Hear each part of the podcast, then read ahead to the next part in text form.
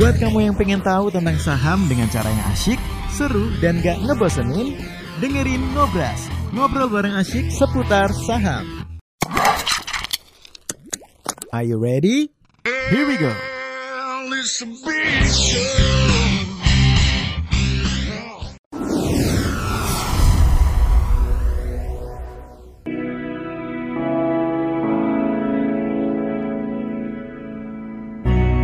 Terima kasih yang sudah join sama kita di klinik pasar bersama dengan saya Hendrik Daniel dan ada yang pasti di studio kita ada Papat Aliansa Budiman dan ada mantri kita ada Bro Gilbert hari ini sobat investor.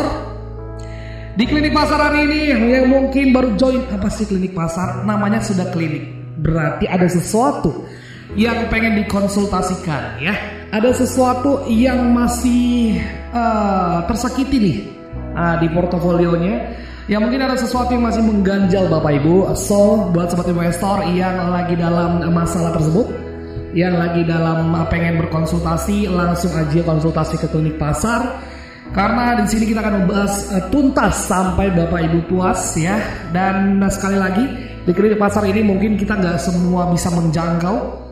Hanya beberapa mungkin lima atau empat uh, orang saja, sobat investor saja yang uh, mungkin bisa masuk karena jamnya kita cuma satu jam Bapak Ibu. So yang udah masuk bersama kita di uh, Zoom juga silakan untuk bertanya dan yang di WhatsApp juga, radio juga silakan untuk bertanya dan yang pasti di aplikasi atau di YouTube juga silakan untuk bertanya ya. Boleh telepon di 08 triple satu Sekali lagi di 0811 dan buat sobat investor yang ada di Zoom juga boleh untuk mengaktifkan mic-nya. Silakan bertanya sepuasnya. Namanya klinik harus konsul konsultasi ya Bapak Ibu ya. Dan pasti ditemani sama Mas Mat Aliansa, sang psikolotor, psikologis, psikiater. Psikolog profesi baru. Psikolotor. Psikolotor itu orang yang musik yang penganut psikologi psikologi jadi Bapak Ibu, uh, seperti biasa hari ini kita ke pasar kita akan bahas uh, mengenai apa yang kira-kira pertanyaan apa yang kira-kira muncul ketika pasar ya. tutup yang ada di Bapak Ibu sekalian gitu kan. Kadang-kadang kalau misalnya pasar masih buka masih oke, okay, Pak beli harga berapa, jual harga berapa. Tapi ketika ada tutup, eh bener nggak ya dibeli ya? Nah, saya salah nggak ya saya ngehold ya apakah seharusnya tadi saya jual aja? Aduh gimana dong nih? Ah itu kan. Memang kalau untuk hari ini bersyukurnya bersyukurnya pasarnya kondusif ya. Jadi bapak ibu uh, kemarin pas hari Jumat memang keadaannya mungkin agak kurang bagus ya. Dan ketika keadaan di regional itu juga menyeramkan hari ini jauh lebih bagus. Hari ini juga IHSG juga uh, kalau saya lihat tadi penutupan itu ada di uh, sebentar. 6338. 6338. Yep. Jadi ini kalau boleh dibilang dia paling tinggi nih selama beberapa minggu terakhir nih. Jadi setelah dia itu nih selama akhirnya nih dia mulai bikin titik tertinggi lebih tinggi uh, dan harapannya cuacanya lebih bagus sih ke depannya. Jadi buat bapak ibu yang pak saya udah keburu beli saham ini atau mungkin saya di agak atas pak harus ngapain ya dan segala macam. Harusnya ketika cuacanya bagus cepat atau lambat kalau saham yang ada di ada fundamental ceritanya cepat atau lambat dia pasti akan membaik lah. Amin. Amin amin. Siap. Oke, okay. nah langsung aja buat bapak ibu mungkin kita ke market dulu Bro Gil. Coba boleh dibantu kondisi market hari ini Bro Gil? Juga grafiknya ber. Sebentar. Jadi uh, saya mungkin cerita sedikit ya. Jadi pagi kan kita ngebahas masalah biasa ya pasar itu selalu mencari alasan dibuat naik atau diturun ya. Tapi baik lagi Indonesia sendiri sebenarnya punya cerita banyak yang positif sebenarnya. Yes. Tapi belum terrefleksi aja di pasarnya karena orang fokus sama kalian di luar sana.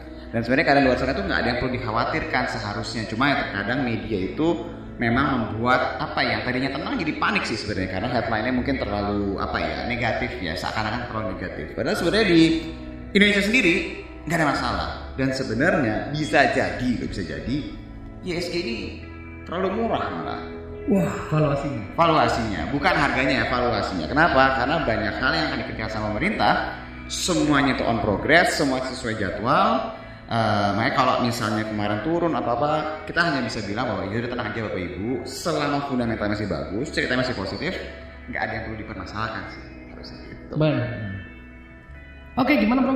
Oke, kalau kita lihat juga hari ini Bapak Ibu, kalau misalnya dari indeks kita, dari chart kita, yang sebelumnya supportnya 6150, kita bisa naikkan lagi nih Bapak Ibu. Kita bisa naikkan lagi ke support terbarunya di 6300. Nah, penutupan hari ini adalah 6338, berarti support terbarunya adalah 6300. Selama masih terjaga di area sini, berarti momentum dari indeks kita, momentum dari kenaikan kita ini, kenaikan dari indeks kita ini masih aman-aman saja.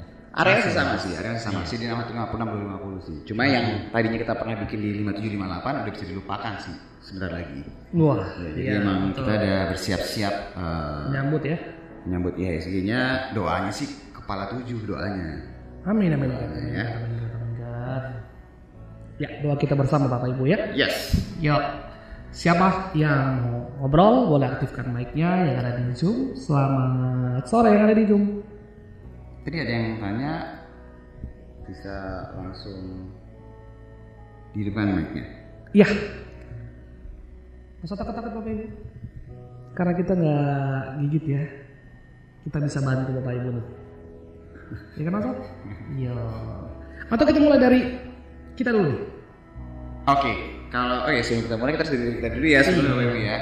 Eh, ya hari ini sih ya alhamdulillah bagus ya. Eh, keadaannya bagus. Terus kalau misalnya kemarin Jumat turunnya agak lumayan, portfolio saya saya nggak tahu kalau Gilbert ya. Kalau hari ini ya membaik lah meskipun naiknya belum setinggi yang kemarin hari Jumat turunnya gitu. Yes, Tapi yes. jauh membaik lah ibaratnya. Dan saya harapannya sih juga oh mic-nya masih belum bisa. Hah? Belum ya lu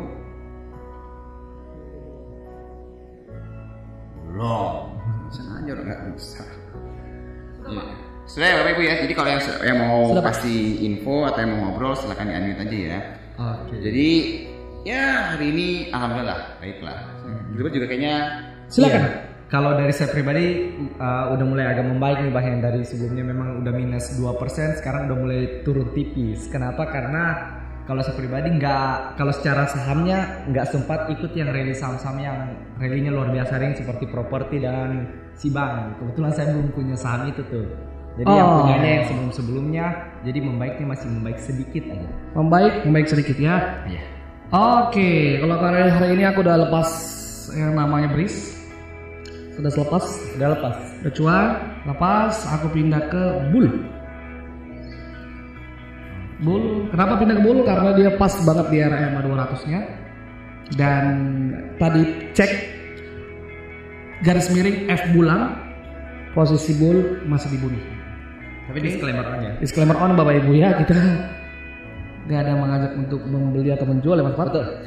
Dan udah naik sedikit, udah naik lah satu persen, sekitar satu persen ada saham hot namanya ya. Oke, saham panas. nah, kita dari anak Andrik Iya ada dari Pak Sigit kayaknya. Ya, Pak. Sigit, silakan Pak Sigit, aktifkan mic-nya Pak Sigit. Selamat sore Pak Sigit. Selamat sore. Wah, Salam sehat semuanya Pak Pat, Bro Gilbert and Bro Hendrik ya. Siap Salam Pak. Sigit. Ya, happy Semangat. cuan juga buat BBCA, BMRI dan BBRI ya. Mantap.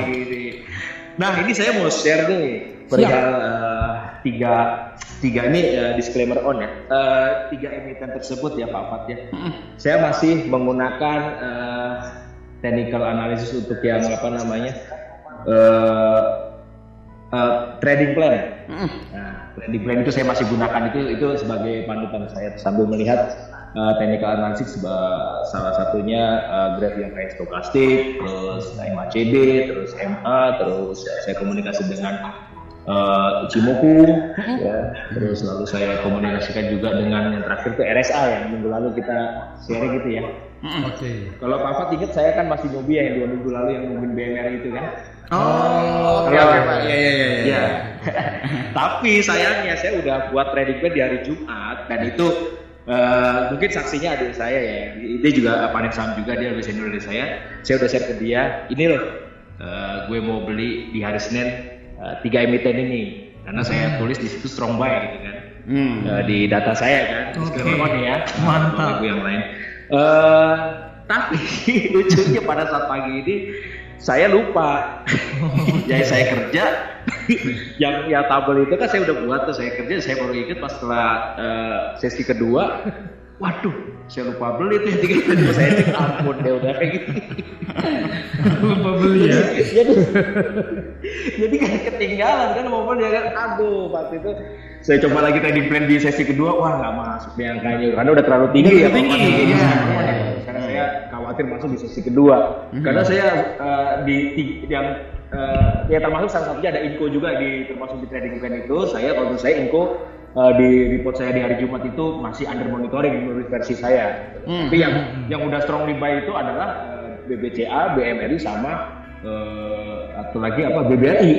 Nah Ya. itu saya mungkin penyesalannya di situ kenapa pagi mungkin saya kerja ya jadi nggak keingetan biasanya saya pagi rajin tuh bangun pagi langsung setting apa harga ya di di dekat support ya Yes. tinggal gitu loh. Oh. Nah, tadi tuh udah saya udah belajarnya hari Jumat udah sampai malam lah saya niat nih buat report nih buat untuk belanja Senin. Cuman saya nggak nggak baik di pagi harinya saya lupa ampun deh. Tapi ya saya eh, cukup puas ya mungkin hari ini saya nggak bisa trading. Eh, intinya ya dana saya utuh ya, tapi saya eh, puas eh, buat diri saya untuk bisa menganalisa Betul. saat ini bener gitu loh tiga itu saya jadi eh, nggak nyesel nyesel amat jadi intinya saya seneng lah apa yang lain bisa menikmati itu happy cuan di tiga emiten itu sih Pak Fat. Oke, itu saja sih kira-kira Pak. eh, depannya eh, bagaimana ya tiga emiten itu ya perjalanannya Bro Gilbert atau Pak Fat analis itu aja sih Oke, makasih Bisa Pak. Jadi sebenarnya kalau misal tanya untuk perbankan ya, perbankan ini terutama mereka BCA, eh, BRI, Mandiri, satu mereka adalah penggerak pasar Pak. Jadi kita ketahui bahwa mereka adalah market kapitalisasi yang terbesar ya. Jadi kalau dilihat penggerak pasar itu adalah eh, sektornya sektor finance ya, di mana perbankan itu adalah yang penggerak utamanya. Dan eh, kalau ditanya apakah cerita mereka ini masih panjang atau tidak, jadi sebenarnya masing-masing punya cerita yang memang eh, ceritanya beda-beda. Jadi saya juga keinget waktu itu siapa yang nanya BCE ya, Hendrik ya. Kita sempat Iya, bahas sama ya. Pak Pak Robi, Pak Robi. Jadi memang waktu itu kita jelaskan bahwa perbankan ini eh, ketika ekonomi ini membaik, mereka adalah yang pertama kali duluan sebenarnya yang harus pulih duluan gitu loh. Karena kalau misal perbankan itu pulih, otomatis benar-benar nih ekonomi benar-benar pulih. Karena mereka yang akan menyalurkan kredit atau ibaratnya memompa darahnya lah ke eh, semuanya supaya bisa bergerak, supaya bisa dapat kredit. Nah, kalau dilihat sebenarnya tiga bank ini punya cerita beda-beda. Kalau si BRI itu kan seperti kita ketahui dia memang lagi eh, mau merger ya, mau digabungin lah antara PNM sama satu lagi itu adalah Pegadaian, di mana itu mau dibikin eh, ibaratnya ultra mikro ya, ini arah ke sana. Kalau si Bank Mandiri sendiri dia memang masih kuat di corporate ya, atau di institusi, tapi juga kita lihat dia sudah mulai mau kerjasama dengan Grab juga tuh. Kalau misalnya Bapak Ibu dengerin ya, atau ngikutin beritanya. Si BCA sendiri sebenarnya ceritanya juga berbeda. Memang kalau misalnya Bapak Ibu lihat, ah kayaknya pertumbuhannya mungkin nggak terlalu besar ya BCA. Tapi ingat loh, BCA itu dia salah satu bank konvensional yang secara keuangan sehat, pertumbuhannya juga stabil dan dia itu punya dua ibaratnya apa ya eh, unit yang bisa menjadi narasi masa depannya BCA. Yang pertama dari bank syariahnya dia, yang kedua dari bank digitalnya dia. Kalau saya kalau kita lihat ya harusnya yang akan mompa duluan itu adalah bank digitalnya karena Bapak Ibu selalu curiga deh sama perusahaan yang dia diem aja gitu loh. Dia diem semua kayak pada heboh gitu kan nyiapin bank digital. Dia diem aja nggak ngomong nggak apa. Tapi kalau anda lihat dia mulai ke arah sana tuh ada yang apa virtual assistance-nya ada ya kan. Jadi kalau misalnya Bapak Ibu pengguna BCA tuh bisa ada lah ininya. Nah jadi kalau tanya apakah sebenarnya narasi mereka masih kuat ke depannya, tiga-tiganya iya sebenarnya. Dan hari ini seperti kayak konfirmasi sih sebenarnya bahwa eh, IHSG harusnya bisa lebih baik lagi ke depannya karena kita udah lama banget ngelihat perbankan ini pergerakannya kayak gini. Ini udah lama banget baru hari ini lagi nih saya lihat dari beberapa bulan terakhir lah. Nah ini sinyal bagus sebenarnya. Jadi apakah mereka bisa lanjut? Kalau narasinya saya runut dari belakang, yang pertama kali duluan beritanya yang paling kelihatan jelas itu kan si BRI ya, yang lain pasti akan mengikuti. Kenapa akan mengikuti? Karena biasa di pasar, kalau PBV-nya uh, kompetitornya naik, pasti dia juga akan ikut mengikuti gitu. Karena sama-sama bank besar. Jadi kalau ditanya apakah probabilitasnya dengan narasi yang ada perbankan ini berpotensi lebih baik lagi secara narasi yang ada ya, saya ngomong apa adanya, jawabannya iya. Gitu. Jadi kalau misalnya lihat apakah momentumnya mulai jalan, kalau dari grafiknya sih iya juga. kalau yang paling kelihatan dulu kan sebenarnya BRI. Kalau Mandiri sama BCA itu sebenarnya Pak, tapi trennya kayak mau turun loh. BRI sama BCA itu sebenarnya normal, uh, Bapak Ibu. Mandiri sama BCA maaf. Jadi kalau blue chips itu kalau dia turun melebihi uh, support yang uh, biasa kita buat itu dia agak lewat dikit itu tuh itu normal kalau buat blue chips karena emang mereka tuh nge-swing kalau gerak. Iya, betul. Gitu. Jadi sebenarnya uh, makanya kenapa beberapa hari terakhir juga kita bilang nggak ada masalah sama IISG karena kalau dilihat secara grafik pun momentumnya masih ada semua gitu sih pak mungkin kita mau nambahin dan mungkin juga pak kalau misalnya yang saya lihat mengenai narasi yang paling dekat dari yang perbankan ini kalau misalnya coba kita runut kenapa BCA yang kenaikannya uh, cukup oke okay lah sejauh ini yang biasanya sebenarnya cuma naik satu persen sekarang dia naik 4 persen itu kalau yang kita lihat sebenarnya mengenai salah satu DP 0% itu pak jadi sebenarnya BCA salah satu bank yang paling diuntungkan selain karena kalau secara perusahaan dia sehat yang dari pihak otoritas itu bilang bahwa untuk menyalurkan yang DP 0% itu perbankan yang harus mempunyai kredit macet rasio kredit macetnya di bawah 5%. Salah satunya adalah BCA. Kemudian juga BCA ini kan kalau kita kenal dengan yang namanya consumer banking. Nah, KPR itu porsinya masuk di consumer banking nih, Pak. Jadi jelas ini sangat menguntungkan bagi BCA untuk menyalurkan kredit yang 0% tadi. Kemudian mengenai BMRI dengan BNI yang ya cukup uh, performanya cukup bagus lah hari ini karena mereka juga fokusnya kan ke corporate pak mereka dikenal dengan namanya corporate banking atau uh, bank uh, apa bank yang kebanyakan porsi kreditnya itu kepada perusahaan-perusahaan nah perusahaan-perusahaan itu kebanyakan ke mana? Salah satunya adalah properti nih pak. Jadi itulah yang menjadi salah satu pemicu uh, dua bank ini yang mengalami kenaikan yang cukup signifikan hari ini. Sementara BRI yang paling tertinggal kenapa? Karena kalau yang kita lihat sebenarnya dia lebih fokusnya ke mikro. Seandainya fokusnya ke consumer atau ke corporate banking kemungkinan besar dia juga akan kena impasnya tuh imbasnya. Nah ke depannya yang CBR ini yang kayak seperti dibilang oleh Pak Fat tadi sentimen yang paling kuatnya adalah merger tadi itu ya gitu jadi memang sentimen hari ini yang kalau yang saya lihat sih salah satunya dari DP 0% tadi gitu tuh. DP 0%. Oke. Okay. Oke, okay. makasih banget tuh penjelasannya. Tapi kalau untuk segi technical analisis, apakah ketiga emiten tersebut besok itu akan mengalami koreksi sehat sedikit lah ya? Karena karena mungkin tinggi banget ya naiknya atau bagaimana ya kalau Bro Gilbert kalau dilihat dari analisis untuk besok ya kira-kira ya. Ini cuma kira-kira aja sih ya. Oke. Okay.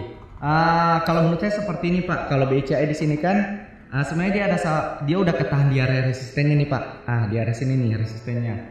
Nah sebenarnya dia ada pola sini mana? di ini nih. Angkanya. Di area 3500 35.225. Kemudian dia di sini ada yang namanya pola double bottom nih pak.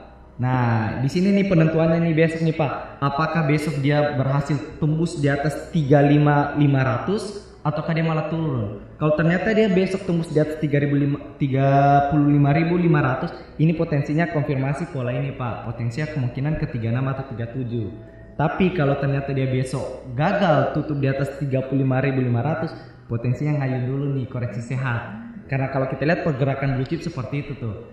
Kemudian kalau kita lihat okay. dari BMRI. Ah, BMRI satu BMR itu sebenarnya lagi ah konfirmasi dia di sini Pak, di area sini nih. Ah, dia konfirmasi di area sini Pak, berarti supportnya kita perhatikan di area 6400. Di area 6400 ini, ini yang harus dijaga. Cuma memang yang agak sedikit mengkhawatirkan untuk BMR ini kalau kenaikannya hari ini memang volumenya masih agak kurang lebih besar dari kemarin. Tapi kalau kita lihat memang agak lumayan, cuma memang masih agak kurang lebih besar. Kalau kita lihat juga yang dari BMR ini selama dia masih kejaga di 6400 ini potensinya upside ini masih agak ya 6700 atau 6800 nih Pak. Kemudian kalau kita lihat dari BBNI nah BBNI juga sebenarnya udah break dari resistennya sini nih Pak di area 6200.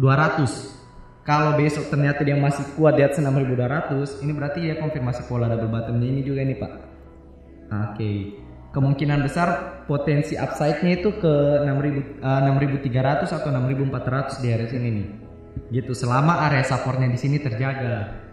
Memang yang agak agak berbeda pergerakannya sendiri ini si BRI karena kalau kita lihat dia udah naiknya sebelumnya itu udah naik lebih kencang. Tapi kalau kita lihat secara teknikalnya dia ini masih menarik. Kenapa? Karena ada satu pola bullish yang dia udah konfirmasi dari sini nih Pak. Ah ini nih jadi support terbarunya dari BBR ini di area 4000 4800 an sini nih.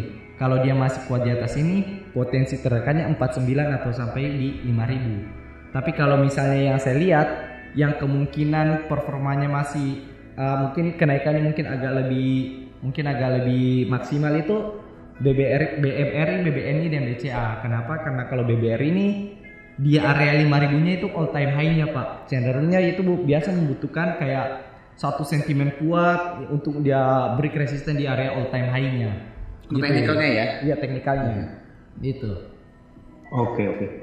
Eh, bu- eh, makasih banget ya Bro Gilbert ya. Boleh satu lagi nggak nih kalau enggak ya nggak apa-apa sih. boleh, boleh Pak, silakan. Satu lagi. Oke. oke. Eh, satu lagi saya juga menganalisa teams ya hari ini ya Eh, untuk untuk besok trading plan besok ya. Cuman eh, secara technical analisis, cuman saya nggak nggak tahu ya kalau dari Bro gimana ya analisa teams saya. Kalau menurut saya sih menarik ya untuk hari ini ya. Saya menggunakan trading plan. Oke, kalau tim sebenarnya dia juga masih menarik nih Pak karena memang terakhir kita sempat bahas kalau untuk support eh, support terdekatnya itu di 2200 di area 2200 tapi ya bolehlah kita kasih toleransi untuk support ke untuk penentuan trennya nih di area 2000 di 2000 pas di area sini nih yang garis yang saya garis hijau yang saya garis biru ini adalah area tren lainnya di 2000 kalau dia masih ketan di sini momentumnya itu masih ada Pak. Kenapa? Karena memang belakangan eh, beberapa hari yang lalu dia ketahan pas di resistennya sini nih Pak 2500 jadi wajar saja sebelum dia tembus resisten kuatnya dia ngayun dulu tuh ke bawah. Nah ini nih area di sini nih yang kunci kunci terakhirnya nih di 2000 sini nih. Kalau dia masih ketahan di sini berarti memang masih menarik. Secara teknikal untuk tim sini juga masih menarik nih Pak. Gitu Oke. Makasih banyak Bro Gilbert, Pak Fat, dan Bro Hendrik ya. Pak. Siap. Ya, terima Pak kasih. Sigit, terima kasih Pak Sama-sama, Sigit. Oke, itu dari Pak Sigit nih yang mencerahkan isi hatinya ya. Pokoknya sampai benar-benar uh, puas deh sobat investor. Ada Om Semi nih yang udah angkat tangan tuh. Oke. Halo, Om Semi. Ya, halo, halo, halo. Oke, Om Rido. Oke. Salam. Pak Nama, Rido. na- nama sahamnya, nama, nama samarannya. Om Semi. Ini Om Semi. Oke. Halo Pak. Ya, halo, halo Pak. Ya. Eh, mau tanya nih, ini kenapa kok dari kemarin tuh perbankan terus ya? Ini tadi BCA tiba-tiba rally 2 2 3 persen ya? Atau 4 persen malah? Hmm, kemarin BC-nya naik tapi nggak terlalu kencang sih Pak.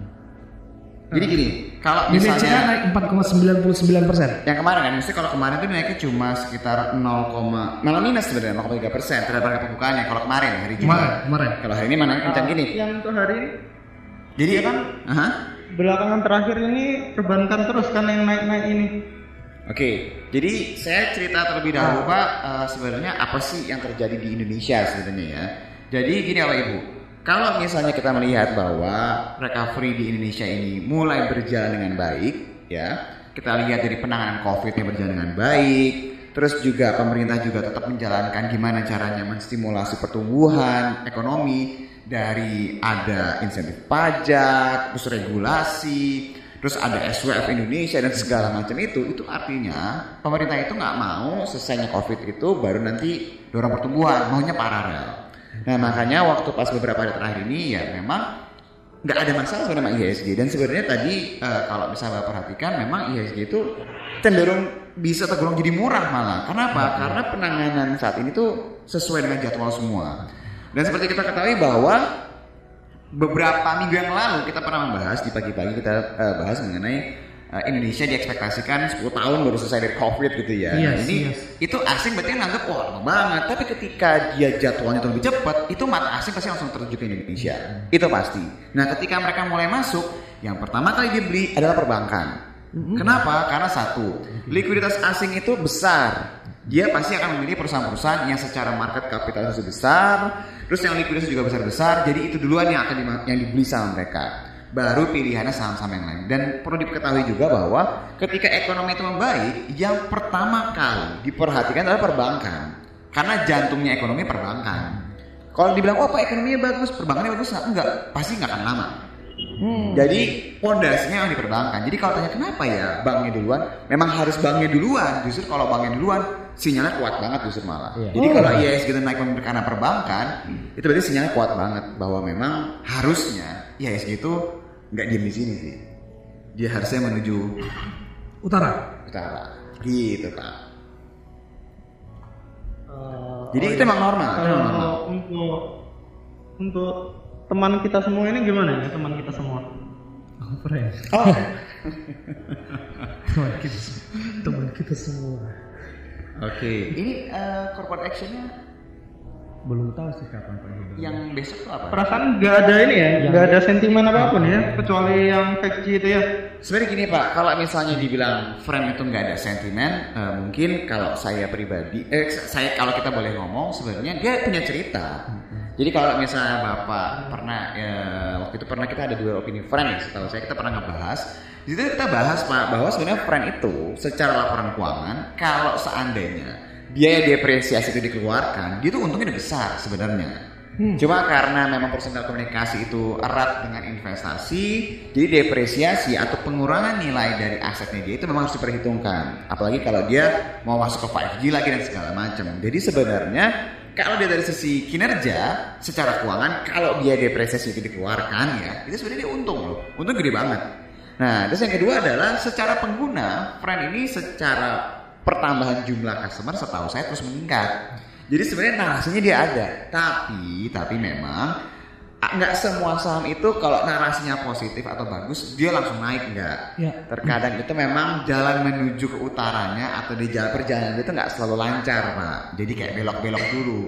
Nah silver ini adalah tipikal saham yang kalau kita perhatikan secara momentum dari grafik muncul gitu ya volume-nya ada, trennya ada, tiba-tiba bisa berbalik lagi. Jadi sering apa ya eh, gambaran itu sering apa ya nggak sesuai dengan ekspektasi lah kalau boleh dibilang.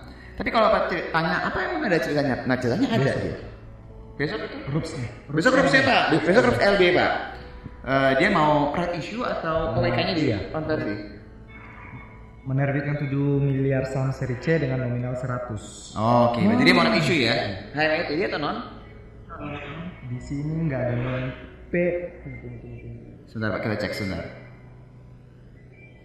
Oke, perubahan pasal 4 pasal yang dilakukan terkait rencana peningkatan modal tempatnya modal disebut dengan cara menggunakan saham baru perserah melalui PMAHMEPD. Oh berarti kan eh, bukan non ya? Bukan. Berarti yang existing bisa ikutan ya? Betul. Oh iya pak, jadi dia mau right issue pak. Dia meraih isi. Eh, keputusannya besok ya besar kemungkinannya disetujui sih harusnya ya. Jadi itu mungkin salah satu eh, yang membuat harga sahamnya juga berpotensi masih melanjutkan. Tapi gini pak harus diingat perusahaan yang melakukan right issue itu kita harus lihat secara gambar garis besar dia mau ngapain. Nah kan kalau kita lihat memang waktu 5G kemarin kan dibatalkan sebenarnya pemenangnya kan. Jadi nanti kan diikut diikut ulang lagi Iya. lah tendernya gitu loh. Dan sebenarnya buat mereka yang sudah mempersiapkan eh, mungkin secara perencanaan jadi mundur tapi bukan berarti mereka nggak jadi sih. Jadi harusnya narasi 5G itu setelah hampir right issue ini bisa jadi muncul lagi pak. Gitu. Cuma baik lagi, kalau tipikal saham itu nggak semuanya sama pergerakannya. Silver ini memang agak berbeda kalau secara pergerakan dia bisa sebelum naik swing dulu atau lama banget. Nah, buat mereka yang momentum, yang pengen berharapnya pergerakan dalam waktu seminggu dua minggu mungkin agak susah. Itu aja sih pak, mungkin yang harus diperhatikan kalau eh, saham yang seperti ini. Gitu Pak Rido. Gitu Pak Rido. Satu lagi kalau anu Pak Ahmad, Apa tuh pak? Silakan. bahas ini dong apa? Bang Net, Bang Net itu gimana sih ceritanya itu? Bang, BANK. BANK. Iya. Oke, jadi Oh, sebenarnya gitu, gitu amat gitu. Oke, jadi, jadi gini eh, Pak, eh, memang terkadang eh, pasar itu ya dia bergerak yang memang pasarnya mungkin seperti apa. Nah kalau tanya kenapa ya Pak, kok dia naik kenceng banget terus sekarang dia ARB. Nah cuma yang memang harus perhatikan adalah kenapa sih dia bisa naik kencang? Belum ada berita yang mengkonfirmasi sih, tapi kalau misalnya kita coba cari-cari ya, terus saya coba oh, kita coba ngobrol sama Gilbert juga, memang bank-bank yang tergolong secara modal tidak terlalu besar atau ter- tergolong bank buku satu atau buku dua ya, yang secara modal inti itu di bawah dua tiga di, triliun. di bawah tri- dua triliun, memang ada regulasi yang memang meminta mereka untuk menaikkan modal mereka ya, itu. Jadi bisa dari arah sana yang sehingga punya potensi bank-bank tersebut harus menaikkan modal mereka. Ketika menaikkan modal dengan jumlah lembar saham yang mungkin nanti akan diterbitkan dan jumlah uang yang harus diperlukan, muncullah pasti nanti itu harga teoritisnya dan segala macam. Itulah yang salah satu mungkin, mungkin loh Pak mungkin menjadi katalis kenaikannya dia. Yang kedua mungkin juga memang dilihat dari sisi banyak bank-bank kecil atau dari sisi modal yang nggak terlalu besar, uh, buku satu buku dua, mereka jadi target akuisisi. Itu yang akhirnya menaikkan valuasi atau menaikkan harga atau tiba-tiba momentumnya ada. Cuma baik lagi, ketika berita tersebut belum ada konfirmasinya, belum ada kejelasannya, normalnya ada baiknya itu benar-benar murni menggunakan momentum yang ada aja. Iya. Jadi ketika momentumnya itu hilang ya memang keluar ya harus keluar. Betul. Gitu. Karena terkadang kalau narasi itu nggak kuat, dia turun bisa nggak ada remnya tuh biasanya. Ini kalau kayak hari ini turun, kita lihat ya ARB volume kecil banget dibandingkan beberapa hari terakhir dan itu nggak bagus sih sebenarnya sinyalnya. Mm. Karena penurunan dia udah nggak ada tenaga dan eh, berpotensi turun nggak ada tenaga lagi gitu loh. Jadi itu yang harus ada hati-hati sih. Jadi kalau bapak bapak masih ada posisi atau sudah tidak ada posisi pak? Sudah sudah keluar tadi pagi. Oh oke sudah berarti eh, ada bagusnya. Kalau misal seingat saya tadi pagi itu bapak sempat nanya kita sempat jawab ya pak ya. Si bank itu kemarin kita tadi pagi kita lihat kalau secara gambarannya tadi pagi kan dia langsung auto reject bawah ya, ARB. langsung ARB kan. Nah ARB nya Iya, itu nggak ada perlawanan ya? Nggak ada. Nggak ada perlawanan ya. Kalau udah dari pagi langsung ARB nggak ada perlawanan, berarti motivasi bayarnya sementara hilang sih pak. Jadi biasanya tuh normalnya ini bukan berarti pasti ya. Normalnya ARB ini akan diikuti beberapa kali. Bukan perusahaan yang salah loh, pasarnya yang menilai seperti itu. Apalagi enggak Pak gini ah, kemarin itu kan gara-gara kesampet itu kan jadi gimana sih cari-cari info juga kan habis itu buka-buka laporan keuangannya kan Ya. Di situ, di situ kan saya lihat itu kok pendapatan dari muda robahnya itu kok nol gitu loh. Mhm. Oke, terus Ah, Pak? se- setahu saya ya, setahu saya kalau ibaratnya perbankan-perbankan biasa itu kan dari bunga kan pendapatannya kalau yang syariah mungkin dari muda robah itu. Iya dari hasilnya ya. Iya. Sedangkan di situ pendapatan lain-lainnya aja yang ada gitu loh. Hmm. Jadi sebenarnya izin usahanya izin usaha apa sih kayak gitu. Oh. Jadi lagi laporan keuangannya kan. Oh oke, kalau mengenai laporan keuangan mungkin kita harus buka ya Pak, bisa nggak berarti buka? Nah ini Gilbert lagi coba buka, jadi biar kita lihat sama-sama sih Pak, Eh, yang menjadi apa ya eh, kekhawatiran Bapak ya, supaya kita bicara ada datanya gitu. Ya, Siapa? Harus buka profil kan belum. Oh oke, coba kita buka dari prospektusnya ya Pak. Karena kalau misalnya lihat dari laporan keuangan, dia baru baru baru IPO. baru, baru IPO, jadi dia belum rilis laporan keuangan setelah dia listing. Jadi coba kita lihat dari prospektusnya terlebih dahulu. Sebentar. sambil kita menunggu Bapak Ibu. Sebentar ya. Oke itu udah, udah bisa. Jadi kalau Bapak Ibu yang memang melihat perusahaan yang baru TBK, dia baru IPO, itu memang belum ada laporan keuangan kuartalannya. Normalnya seperti itu. Ya kalau dia baru sebulan dua bulan listing gitu ya. Jadi kita harus melihat dari sisi eh, prospektusnya, penjelasan awal sebelum di IPO. Hmm. Ada Pak pendapatannya itu Pak? Oh di situ ada ya? Ada ada. Ah, Kalau iya nih Pak. di sini apa? Di websitenya itu kok beda ya? Websitenya ya. Karena ini kalau kita lihat dari sisi eh, prospektusnya muncul ada pak pendapatan pengelolaan dananya ada terus hak bagi hasil milik banknya juga ada labanya berapa juga ada. Jadi eh, kita lihat di sini ada sih pak datanya. Oh gitu ya. iya pak. Jadi lihatnya di mana itu tadi ya? di prospektus pak. Jadi bapak bisa download prospektusnya si eh, bank tersebut atau mungkin bapak mau nyari bank-bank lain juga bisa sebenarnya tapi bapak cari prospektus karena dia belum ada laporan keuangan kuartalnya Iya karena dia baru IPO juga kan Pak. betul betul Prospektus ini bisa dilihat di web- website Mas. IDX Oh, IDX langsung. Di dari bisa. Index bisa dari website juga bisa kalau memang website tersedia ya. Normalnya sih website pasti tersedia sih. Website emiten terkait ya. Oh. Ya itu kemarin kalau nggak salah di websitenya Bang Netnya itu saya yang lihat kemarin kan, loh ini kok nol nol gitu. Sebenarnya gimana? Apa nggak ada standar gimana sih untuk IPO kan? Gitu. Agak kalau misalnya untuk IPO dia harus ada pendapatannya. Kalau belum ada pendapatan dia rugi atau enggak itu harus muncul juga pak. Kalau misalnya mau masuk papan mana nih, papan utama, pengembang atau papan akselerasi itu ada syarat-syaratnya. Dan yang setahu saya memang harus ada pendapatan nggak boleh kalau nggak ada pendapatan kan. Cuma memang ada yang masih rugi, ada yang udah nggak rugi. Nah itu beda-beda tuh nanti klasifikasi di papannya. Tapi ini kalau kita lihat ada kok pak pendapatannya. Iya memang cuma agak sedikit ini sih Pak. Cuma memang ini yang harus jadi pertanyaan sih sebenarnya karena kalau kita lihat dari sebenarnya dari kalau dari akadnya mereka dia nggak ada pendapatan ada nggak ada yang nggak ada pendapatan di sini tapi yang ditopangnya dari pendapatan bonus sertifikat Bank Indonesia Syariah nih. Jadi kebanyakan Nah, ya kan. Nah, iya benar. Jadi kebanyak uh, sepertinya nih mereka lebih kayak memilih untuk apa namanya? membeli uh, menaruh uangnya, menaruh uangnya di untuk yang membeli yang sertifikat Bank Indonesia Syariah ini. Jadi ke depannya gimana kita harus mengetahui nih apa kira-kira penjelasan dari manajemen terkait yang ini Pak. Gitu. Jadi kalau misalnya pengen untuk diinvestasikan uh, saham seperti ini perlu ap- uh, perlu penjelasan yang lebih lanjut sebenarnya Pak. Gitu. Oh dia jadi. Dia nggak ada di eh, sini. Oke itu ada ada pendapatan ulang di bawah coba di bawah scroll penjelasannya. Oh oke oke oke. Semua di ada sini dia ada. Oke oke pak. Itu sih pak kurang lebih pak gambarannya pak. Oh gitu ya. Oke kalau gitu terima kasih Pak Fat ya. Uh, Ya. Yes. Semoga Mantap. Sam, semangat. Oke semangat ini habis masih cuan sih untungnya. Oh, Itu bang. jangan lupa tetap kerja ya Bung Sam ya. Ya, jelas lah jelas ya. Siap, mantap. Oke, ada Rido Mahawira di sana ya. Om Rahmat nih dari penjara. Oke. Siap. Oke, selamat sore. Selamat sore pak.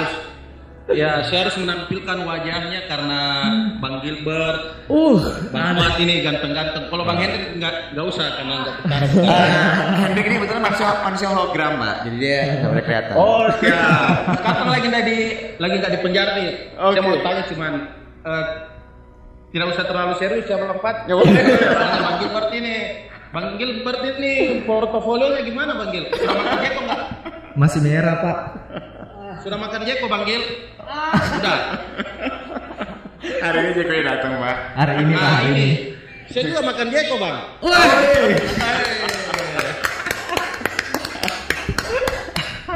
Rahmat.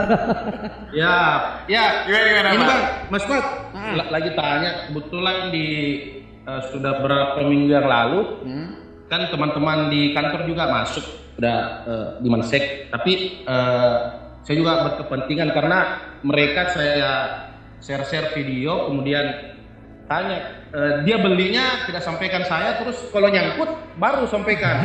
Oh nyangkut nih. Nah, saya juga punya kepentingan, cuman mau apa tambahan ilmu lagi terkait dengan bull. Nah, kali saya bertanya terus soal bull karena eh, teman kantor supaya psikologisnya juga terjaga masuk kantor, jaga dengan bagus. Ya karena dia full cash itu bang. Wow. Mas Mat. Eh, full cash ya dia full cash ambil di 380-an kemarin. Eh, terus eh, turun ini 300 kayaknya dia dua kali cashnya. Nah, dia masuk lagi dua kali cash dan eh, nominalnya itu cukup ya menurut saya cukup banyak. Ya dua digit lah. Bahkan eh, sampai tiga digit eh, di bull tapi harganya sudah 340 kalau nggak salah. Nah, cuman mau mau tanya bagaimana prospek eh, prospeknya ke depan karena kemarin saya sempat share videonya Bang Pat sama Bang Gilbert tuh Yang soal duel BTN. eh, soal bull. Ya, soal bull karena barusan saya lihat di duel opini Bang Pat kalah telak di situ di bull. ya, soal soal berisnya jadi eh, psikologisnya juga eh, terjaga. Mungkin eh, mohon pencerahannya Bang Fat terkait bull bagaimana ke depan apakah eh, 340 harganya 340 sekarang eh, sudah average down itu yang pertama. Yang kedua eh, terkait dengan bank bank digital kebetulan kemarin saya masuk tapi sekarang UMA ya masuk di BGTG tapi sudah cuan. Ya cuan eh, udah cuan sih di BGTG masuk di, Mantap. di- kemarin masuk di satu satu empat puluhan. Ya di satu empat puluhan di BGTG ya cuman kemarin udah lepas karena naik terus 200an saya tutup handphone jam-jam air ternyata turun 197 Nah harapannya kan mau hold terus supaya naik. Ya. Bagaimana itu? Apakah umanya kayaknya besok udah buka suspend ya? Oke sebentar. Dia UMA atau suspend?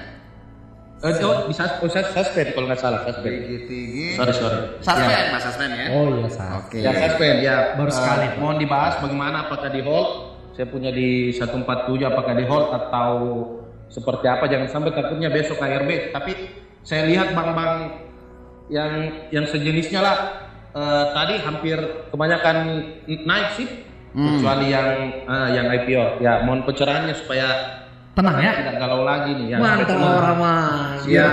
Siap mengawal penjara ya. mohon pencerahannya siap siap Mantap. Oke, kita mungkin mulai dari si ini dulu ya, eh, Pak Rahmat ya. Jadi, eh, Siap, siap. jadi bull ini kan sebenarnya dia kapal tanker ya berarti ya. Kapal tanker dan memang kemarin waktu pas kita dual opini itu memang ada salah satu hal yang sebenarnya cukup menarik dari perusahaan di mana mereka itu menginvestasikan ke kapal-kapal yang memang sifatnya bukan kapal baru ya. Jadi memang kelebihannya kapal lama itu adalah ya dia nggak perlu nunggu waktu sampai kapalnya datang. Jadi lebih cepat kedatangannya dan bisa langsung beroperasi dan bisa langsung menghasilkan. Terus juga kalau misalnya kita lihat dari sisi kontraknya juga nggak ada penurunan justru malah naik ya. Se, se, se- seingat saya waktu kita dual opini waktu itu.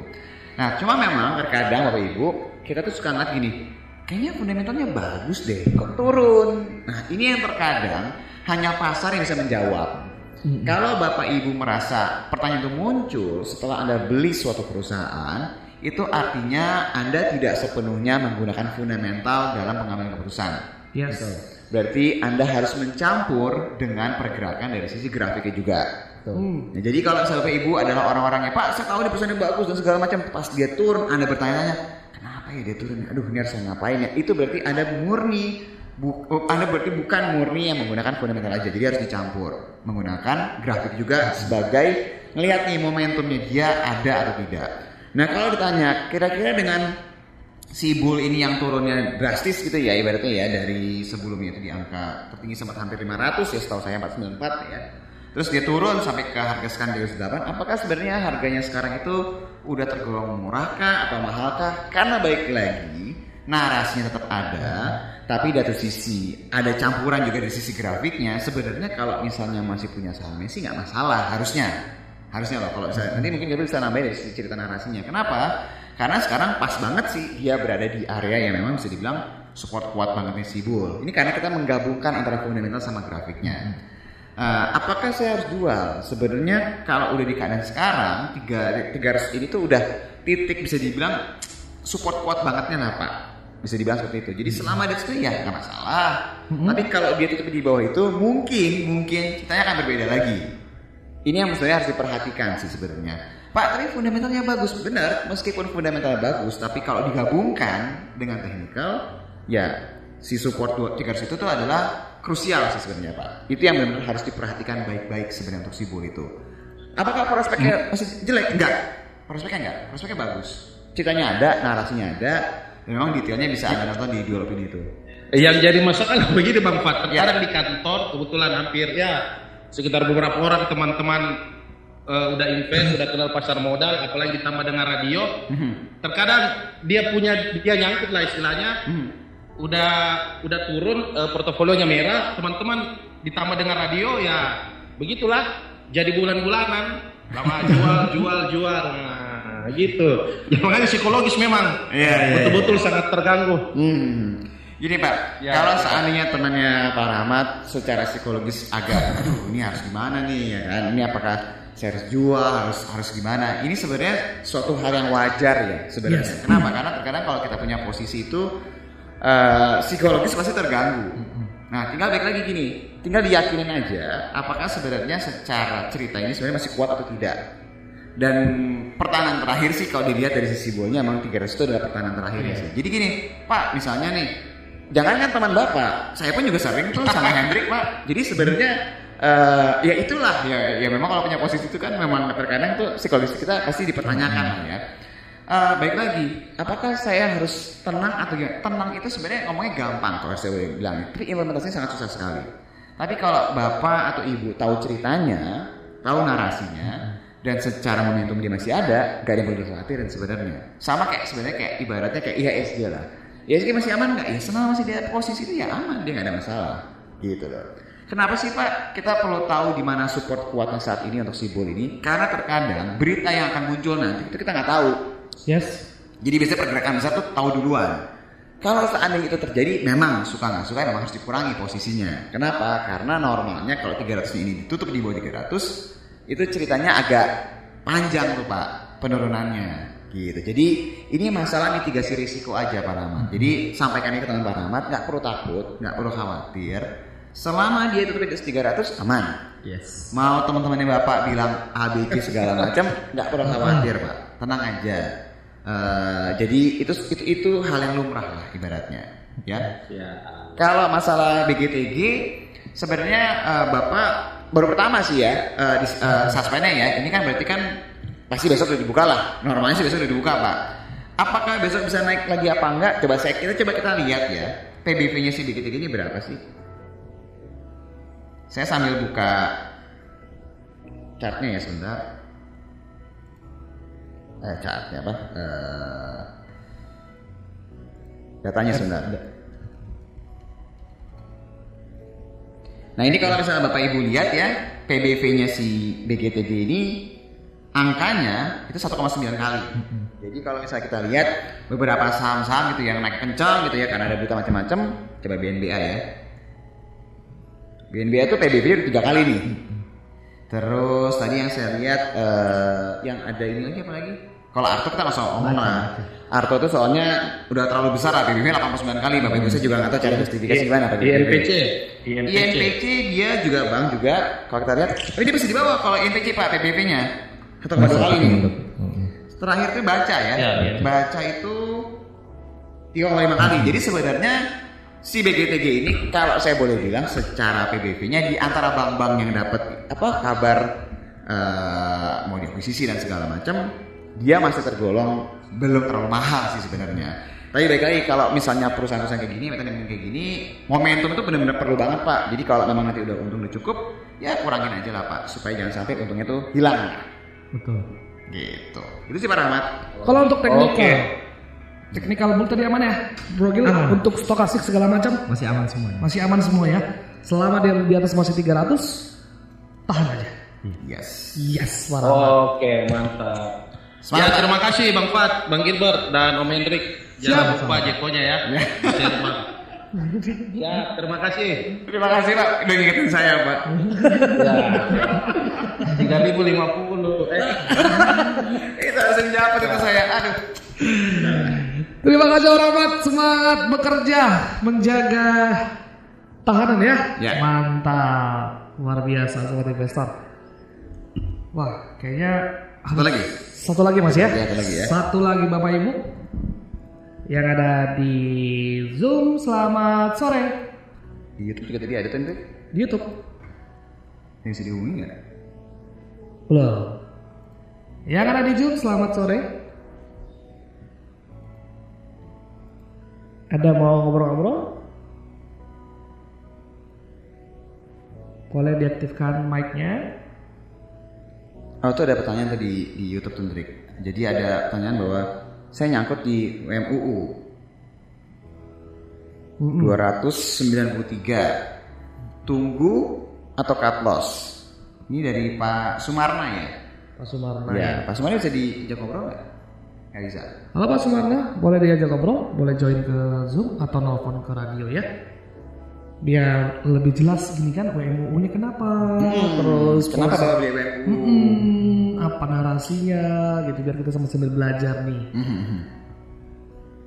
Jadi kalau mungkin mungkin sambil menunggu ya dari si uh, bapaknya ya. Ini kalau misalnya saya harus ngapain nih? Kan saya beli di harga 293 sekarang WMU-nya berapa, Ber?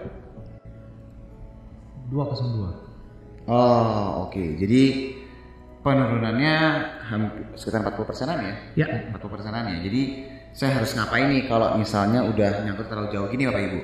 Kalau misalnya Anda melihat perusahaan seperti KWMU ini yang baru IPO, memang normalnya setelah dia naik kencang setelah IPO, ya ini wajar sih sebenarnya koreksi seperti ini. Sebenarnya, sebenarnya. Nah pertanyaannya adalah apakah dia sebenarnya ceritanya udah habis apa belum sebenarnya untuk si WMU ini sendiri? Sebenarnya kalau kita lihat WMU ini eh, fokusnya tuh lebih ke arah eh, apa ayam karkas ya. Dia bukan pakan ternak gitu loh. Jadi sebenarnya momentumnya menjelang puasa nanti tuh, karena pasti banyak orang yang nyimpen ayam di kulkas.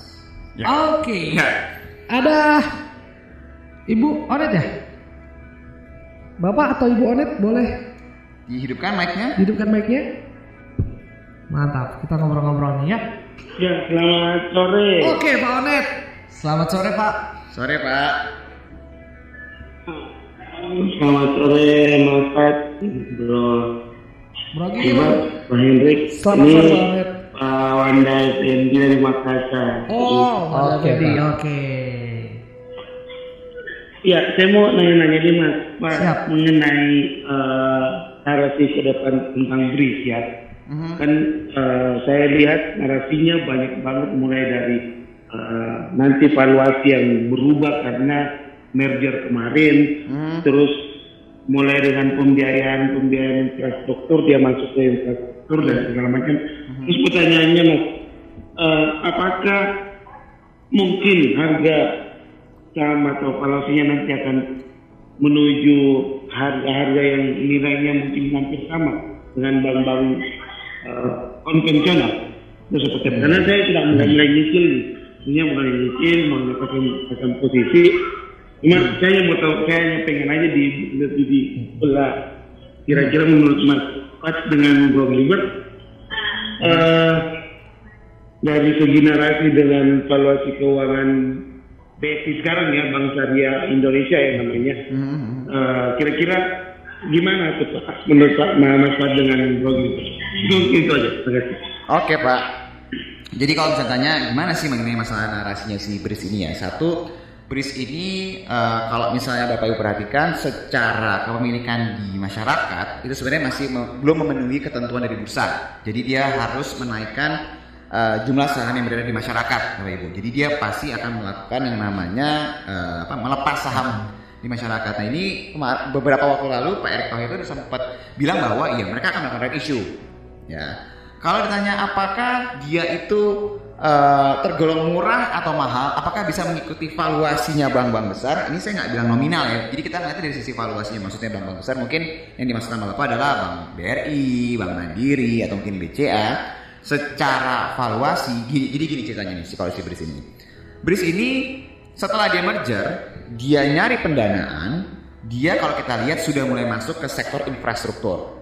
Ya, jadi ini salah satu yang kalau kita lihat bank syariah, tapi dia fokusnya ke pembangunan ke infrastruktur. Kenapa punya potensi besar ke infrastruktur? Karena kalau kita lihat dia sudah mulai masuk ke pendanaan pembangunan jalan setahu saya waktu itu beberapa minggu yang lalu.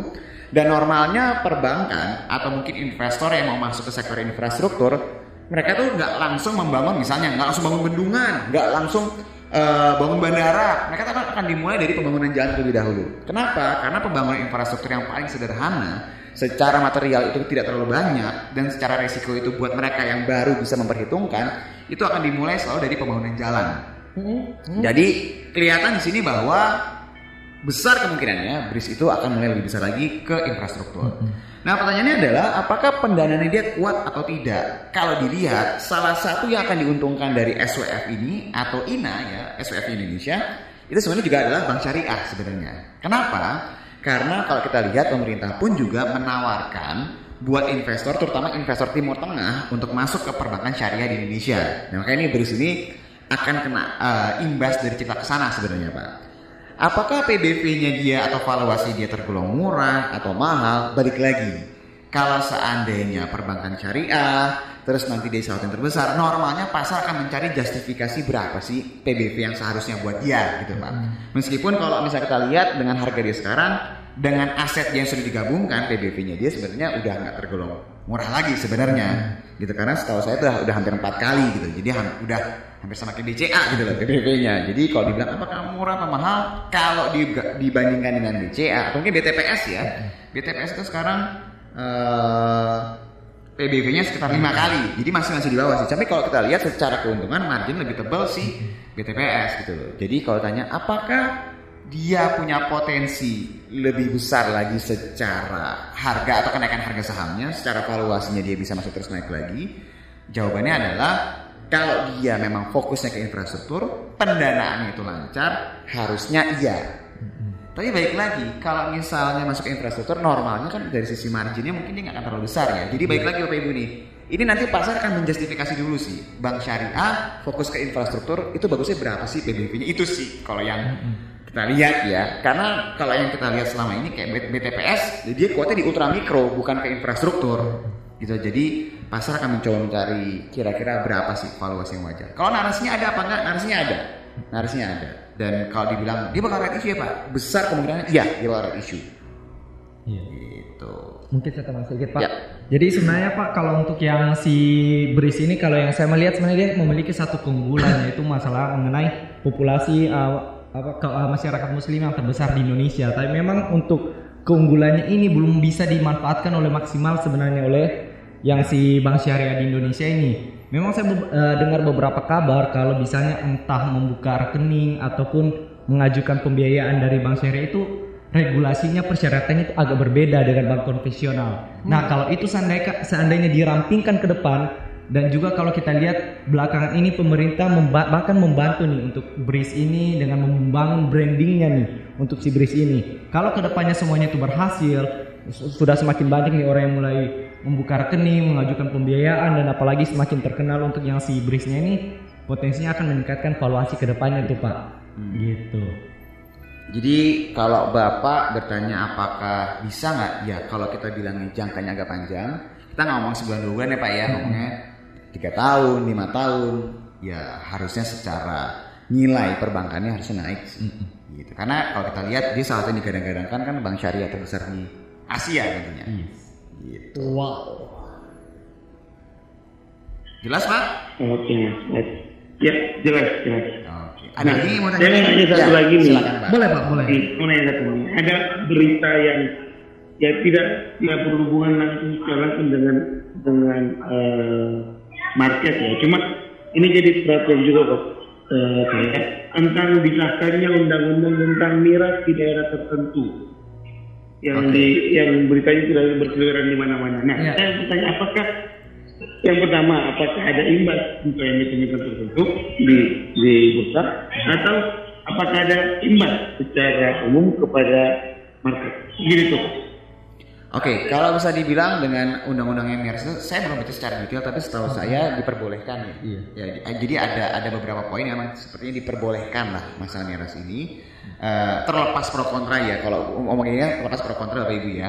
Tapi apa ditanya, apakah akan ada eh, apa eh, imbasnya ke emiten yang memang menjual miras? Jawabannya iya pak, jelas pasti akan mengaruh pendapatannya dia.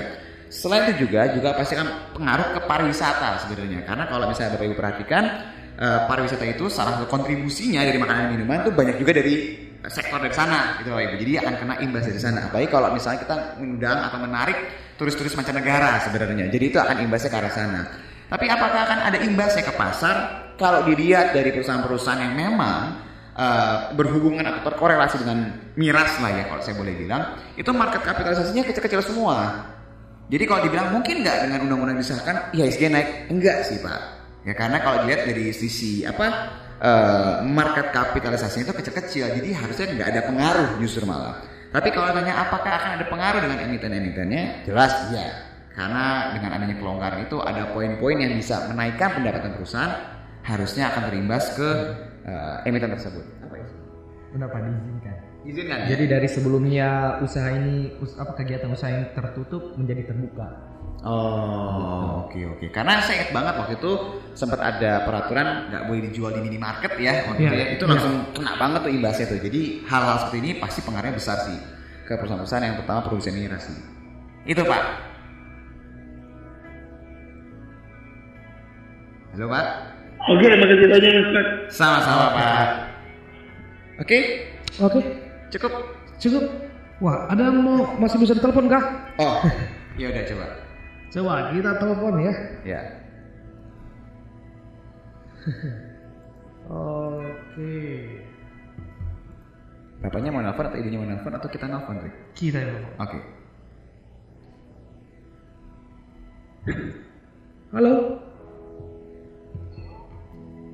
Halo Antonius. Halo. Halo, semangat sore, abang-abang ganteng-ganteng ganteng. Selamat sore. Selamat sore Pak.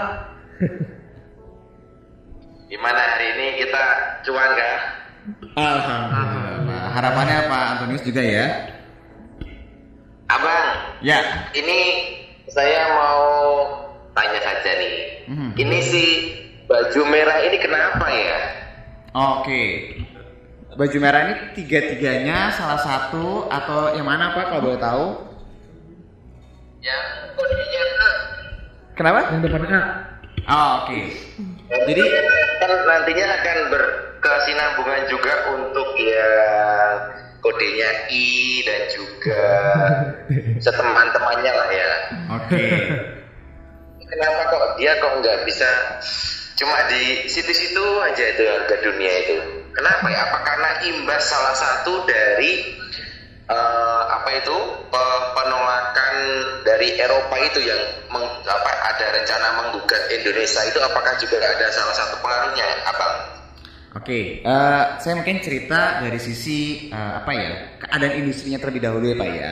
Jadi kalau misalnya kita lihat sebenarnya kan berita beberapa hari terakhir ini ada eh, salah satu lah orang berpengaruh di dunia ini yaitu Elon Musk bilang bahwa wah harga nikel terlalu mahal nih, susah nih suplainya susah nih kalau kayak gini nih. Jadi lebih baik saya mulai beralih lah dari nikel ke yang lain lah ibarat seperti itu. Tapi kalau bisa kita lihat secara pergerakan harga internasional tidak terkoreksi sih dari tweetnya dia. Berarti bisa dibilang bahwa ya pasar dunia pun juga kalau dia nge-tweet belum tentu akan merubah dari sisi harga internasionalnya. Nah pertanyaannya adalah kenapa ya kok yang eh, emiten yang tadi bapak tanyakan yaitu adalah Antam ya Antam, Inco dan dari Antamnya. Kenapa ya kok dia nggak naik? Kenapa kok dia diem-diem aja? Sedangkan hari ini naiknya kencang banget. Kalau misalnya bapak ibu perhatikan ya pak, bapak, bapak bisa bapak perhatikan hari ini yang benar-benar penggerak indeks itu adalah perbankan.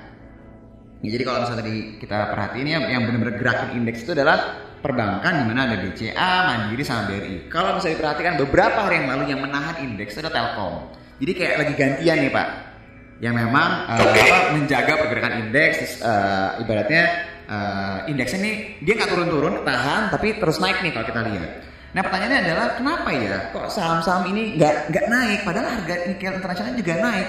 Terkadang Pak pasar itu memang harus menunggu. Ya, pasar harus menunggu dan ya saya nggak tahu sih variabel X lainnya yang bikin eh, saham ini nggak mau gerak. Tapi yang jelas secara cerita, secara fundamentalnya semuanya nggak ada masalah. Semuanya masih berjalan sesuai dengan jadwal yang seharusnya. Semuanya juga masih sesuai dengan ekspektasi yang seharusnya terjadi. Dan harus diingat Pak, ini narasinya nggak sebentar. Seperti kita ketahui, pembuatan baterai holding ini itu diekspektasikan harus selesai semester 1. Semester 1 itu artinya adalah bisa Maret, bisa April, bisa Mei, bisa Juni. Jadi kalau misalnya tanya, narasi jangka pendeknya itu sampai dengan eh, pertengahan tahun ini. Nanti setelah dia terbentuk, pertanyaannya adalah ini kapan operasi pabriknya? Oh, operasi pabriknya kalau menurut Pak Luhut itu dibilang adalah 2023. Wah, masih lama dong berarti. Ya sudahlah, kalau masih lama nggak seru dong berarti. Dan justru sebenarnya narasi ini masih panjang sekali. Karena logikanya adalah kalau bikin pabrik, apalagi sekelas pabrik internasional buat supply ke global, nggak mungkin bikin pabriknya cuma seminggu kan, Pak? Nggak mungkin cuma seminggu. Dan kalau topin misalnya, oh mungkin bikinnya cuma setahun pak. Kalau bikinnya setahun, itu kan butuh waktu untuk dia produksinya bener apa enggak, line produksi berjalan sesuai dengan ekspektasi atau tidak, barang dihasilkan bagus atau enggak. Jadi itu butuh waktu sampai akhirnya bisa menghasilkan produk jadi. Kalau sekarang udah 2021, berarti kan waktunya mepet sebenarnya.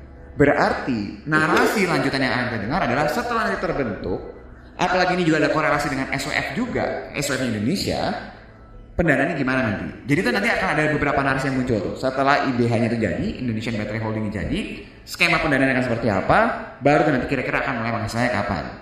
Apakah dia sudah selesai narasi? Justru malah narasinya masih panjang.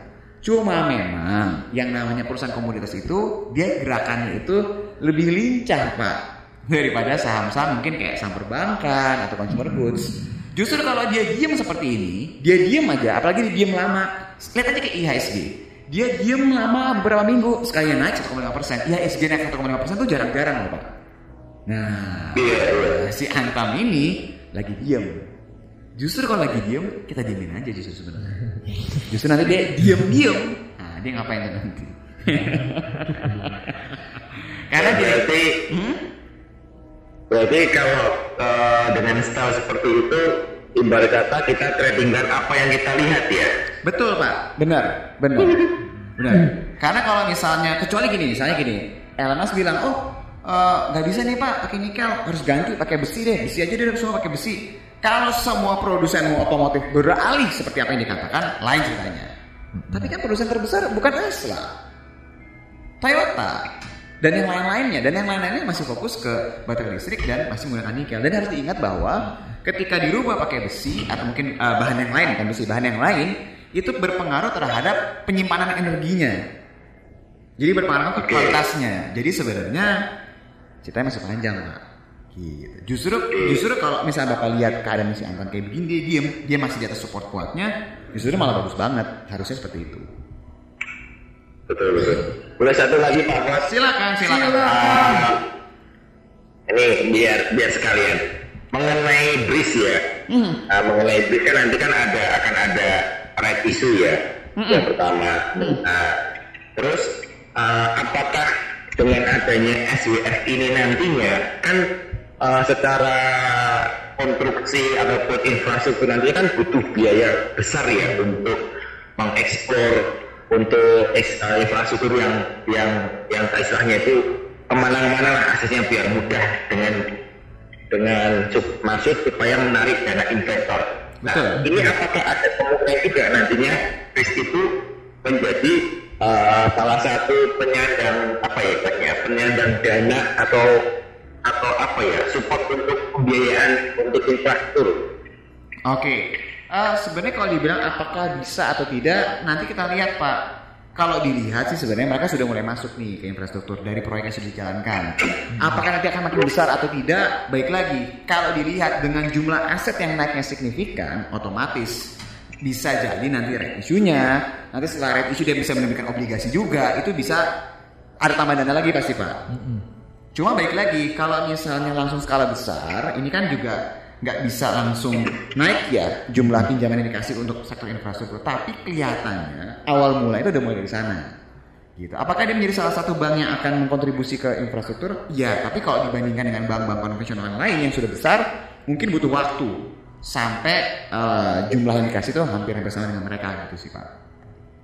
Tapi yang jelas, yang jelas kelihatan bahwa untuk pembangunan infrastruktur ini eh, dana yang masuk itu banyak skemanya, banyak skemanya.